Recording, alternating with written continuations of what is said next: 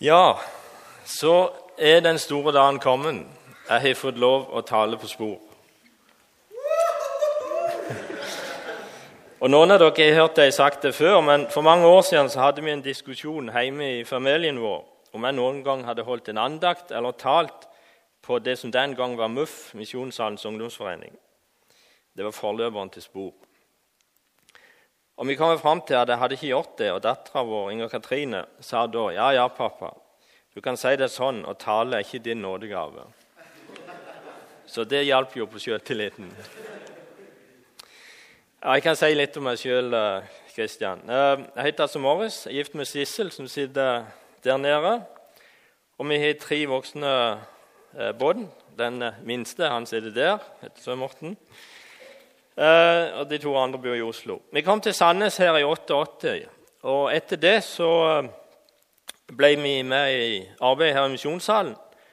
Og jeg sitter i styret her noen år og vært formann noen år. Og så I tillegg så er jeg med i noe som heter kretsstyret for Stavanger krets av Norsk Luthers Misjonssamband. Og Det er jo som kjent den organisasjonen som vi er tilknyttet her og en del av. Eh, og Nå har jeg lyst, når jeg har anledning, altså, jeg har lyst til å nevne et bønneemne for dere til, til, å begynne med. For det at Nå holder vi på å slå i hop eh, to eh, kretser i Misjonssambandet, Stavanger og Haugesund. Og Det skal bli én region av det. Der er jeg med i, i den jobben, den prosessen, iallfall til over sommeren. Og der trenger vi mye forbønn. Det, det, er en skikkelig stor utfordring å legge til rette arbeidet organisasjonen på en ny måte, sånn at vi fortsatt kan be en plass der mennesker kan få høre forkynt fra Bibelen, og der de kan ta imot Jesus som sin frelser, der de kan finne en åndelig heim, og at eh, misjonsarbeidet som vi har ute i verden, og som dere jo kjenner fra prosjekter med Helga Arnfinn, Røyland i Kenya, og nå Marit og Leif i Tanzania, Marit og Leif Tingbø, kan drives videre på en god måte. Men jeg føler ganske, føler ganske liten i forhold til den oppgaven, så jeg er glad for all forbønn. Og så må jeg jo benytte anledningen til å oppfordre alle jeg vil tro alle cellegruppene og foreningene som er innmeldt, de får innkalling til, til kretsårsmøte og stiftelsesmøte for ny region, som skal være om fire uker, 12.-13. juni. Møt gjerne opp der og send utsendinger som kan være med og stemme og bestemme hvordan dette skal bli framover. Eh, jeg tror det blir mye flott den helga. Sangen og musikken blir nok kanskje ikke helt i samme stil som kompet til, til Kelly. Men eh, noe vet jeg blir ganske bra. Så vel, vel, vel møtt. Det som jeg hadde egentlig tenkt å tale om i kveld, det, eller i ettermiddag, det har jeg kanskje tenkt litt at er det egentlig nødvendig her på Spor i misjonssalen. Og, men nå gjør jeg det likevel. Eh, Som mange av dere vet, så har Sissel, kona mi og meg fulgt med på sporet i, uh, opp gjennom årene.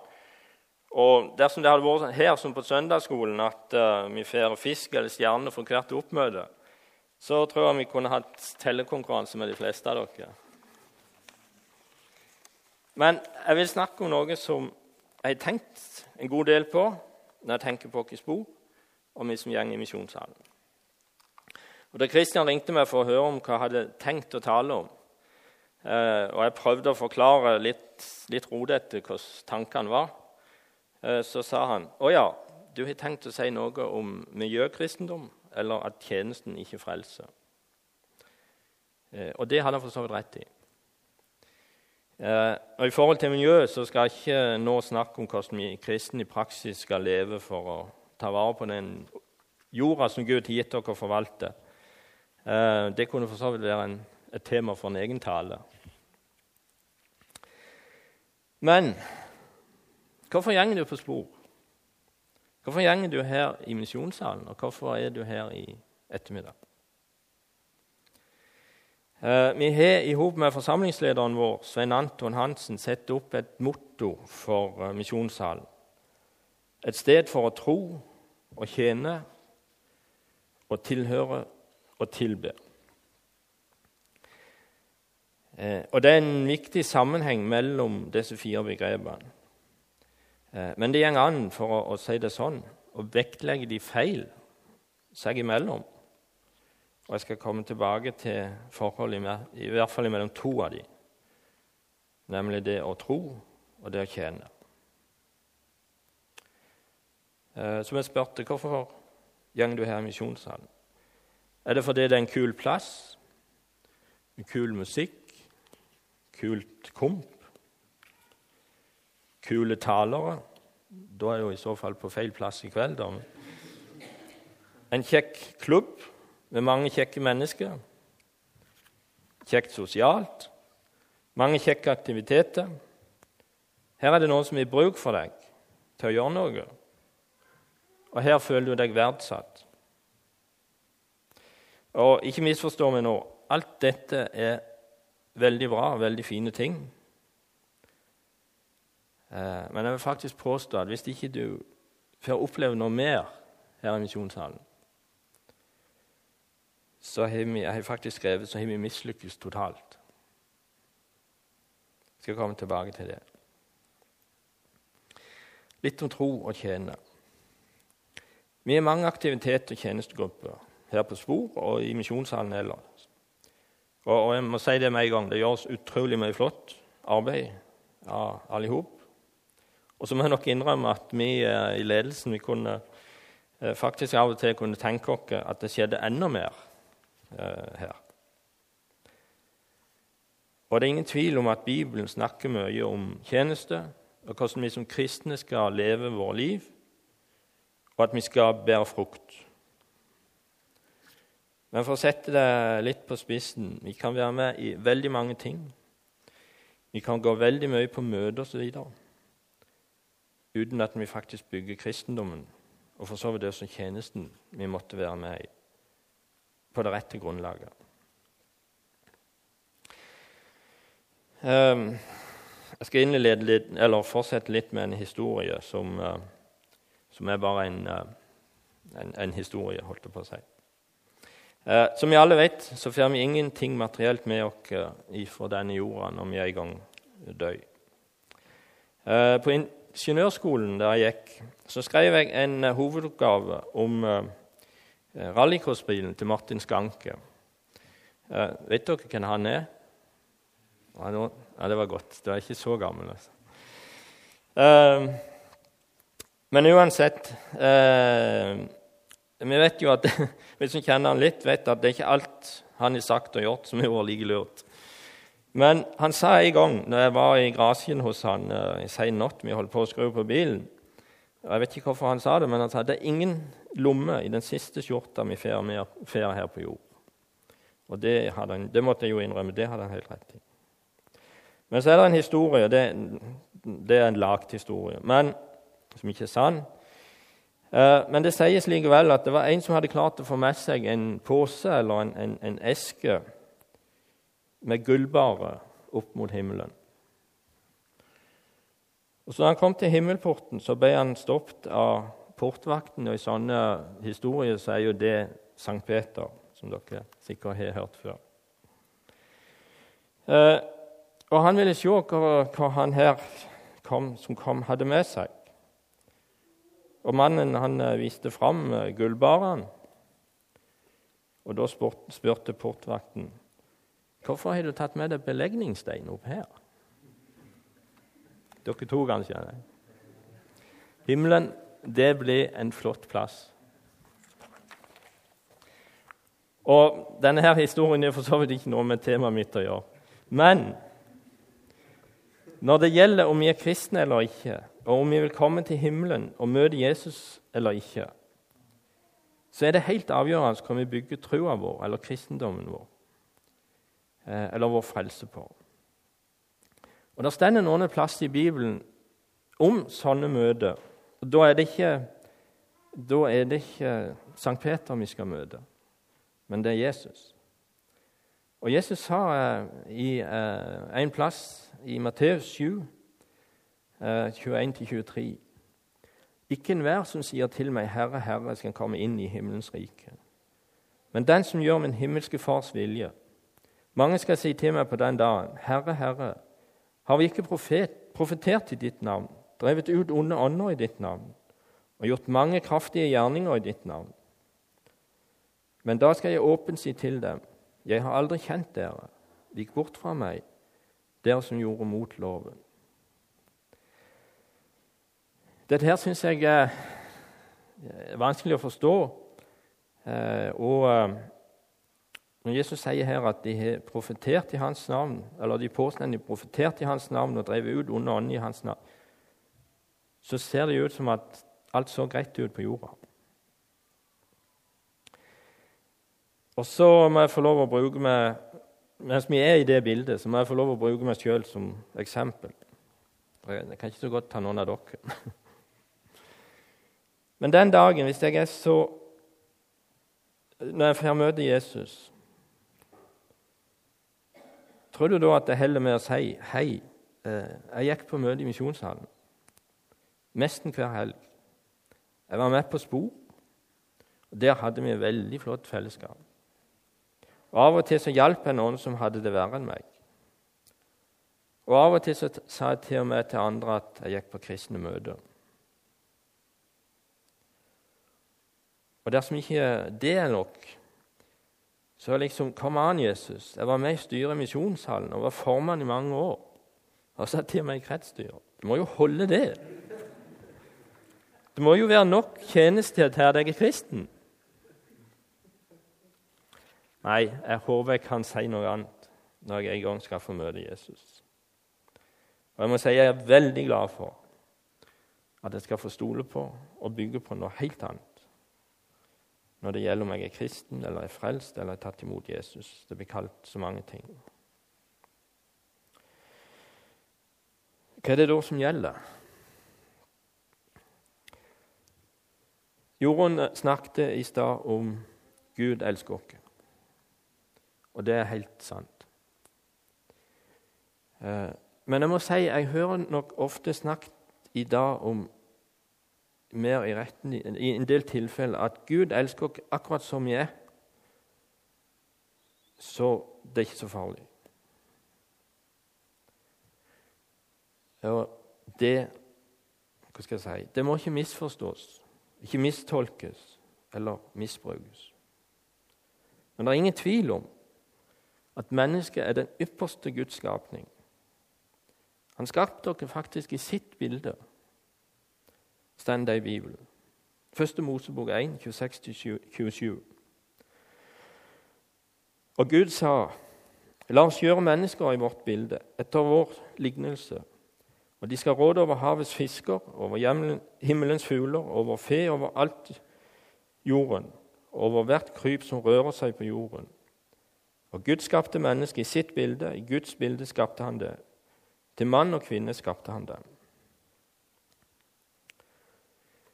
Men så vet vi at synden kom inn i verden med at Eva og Adam falt for djevelens, djevelens fristelse til å gjøre noe som Gud hadde sagt at de ikke skulle gjøre.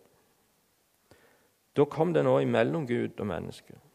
Og Det står i Bibelen at Gud drev Adam og Eva ut av hagen. Og dette syndefallet fikk konsekvens Faktisk også for alle dere som er her på sporet i kveld. For etter det så er vi i utgangspunktet ikke venner med Gud. Og vi kan ikke bli venner med Gud av egen kraft. Vi kan nok stable på beina en ganske god fasade og være snill og grei på mange måter. Men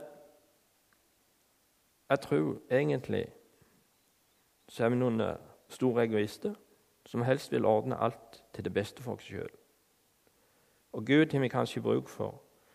Ikke bruk for før det er krise eller på, på annen måte. Jeg tror ikke det her er vanskelig å snakke om. Og jeg tror ikke det er vanskelig å forstå hvorfor det skal være sånn.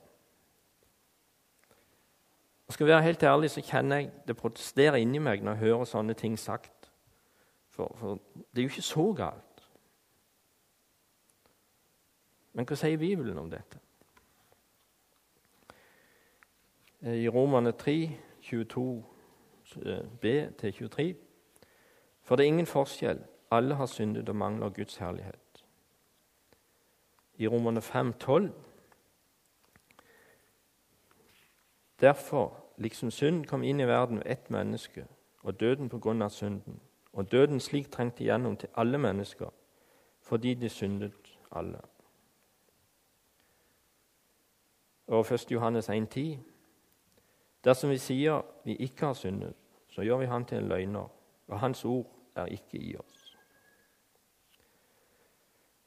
Maurits hadde stafettpinnen sist søndag, og han las noen vers der, og det var klart for alle som var der den søndagen, at uh, dette var alvor. Det var et sterkt vitnesbyrd, uh, Maurits. Jeg skal lese to av versene igjen. Romerne 7, 8, 18-19. For jeg vet at i meg, det er mitt kjød, bor ikke noe godt, for viljen har jeg, men å gjøre det gode makter jeg ikke. Det gode som jeg vil, gjør jeg ikke, men det onde som jeg ikke vil, det gjør jeg. Men gjør jeg det jeg ikke vil, da er det ikke lenger jeg som gjør det, men synden som bor i meg.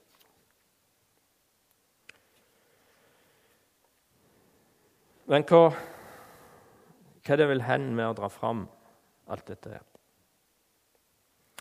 Er jo det her det kommer inn at Gud elsker oss akkurat sånn som vi er. Men Gud er hellig og kan ikke ha fellesskap med synd. Derfor setter han i gang en redningsaksjon for at alle mennesker igjen skal kunne få det fellesskapet med Gud som han opprinnelig hadde planlagt. Og Vi vet at derfor ble Jesus født her på jord, til å dø på korset for å sone vår synd. Og Når en snakker om dette i dag, i vårt samfunn, i vårt uh, opplyste og intelligente samfunn, så høres det jo helt merkelig ut. Og det står faktisk nå i Bibelen om òg. Første kor 1,18. For ordet om korset er vel en dårskap for dem som går fortapt, men for oss som blir frelst, er det en Guds kraft. Evangelisten Billy Graham Nå må jeg spørre igjen, dere vet hvem han er? Noen gjør, noen gjør ikke. Ok? Eh, han er en eh, amerikansk evangelist. Eh, og Han skriver i biografien sin at han en gang tidlig i tjenesten som evangelist ble frista til å tale litt mer generelt om kristendom og litt sånn filosofiske betraktninger. Og Etter den talen ble han veldig urolig og følte at Gud talte til han om at dette ikke var bra. Han lovte da Gud at han aldri seinere skulle holde en tale uten at han sa noe om korset og det Jesus hadde gjort for oss der. Og Vi vet at han ble en predikant eller taler som sannsynligvis har talt til flest mennesker i løpet av et liv. En gang talte han til forsamling på én million på et stadion. Og Han er brukt av Gud til store ting. Men når en leser biografien hans, så er det én ting som til stadighet går igjen. En utrolig ydmykhet. Nesten Jeg skal ikke si redsel, men stor ydmykhet. For ikke ta ære for, fra Gud for noe av det han gjorde gjennom hans evangelistgjerning og de folkene som fikk være med han. Men altså Guds redning var at Jesus døde for oss. Og Jesus har betalt, han har sont, han har gjort opp. Ja, Det kan brukes mange ord, men Jesus har gjort det mulig for oss å ha fellesskap med Gud igjen. Han har gjort det mulig for oss å komme til himmelen når vårt liv her på jord en gang er slutt. Og så kan vi se fram til det møtet der og den samtalen med Jesus. Vi skal lese noe mer fra Bibelen. Romerne 3, 20-24. Nå må jeg slå det opp, for det hadde jeg ikke skrevet.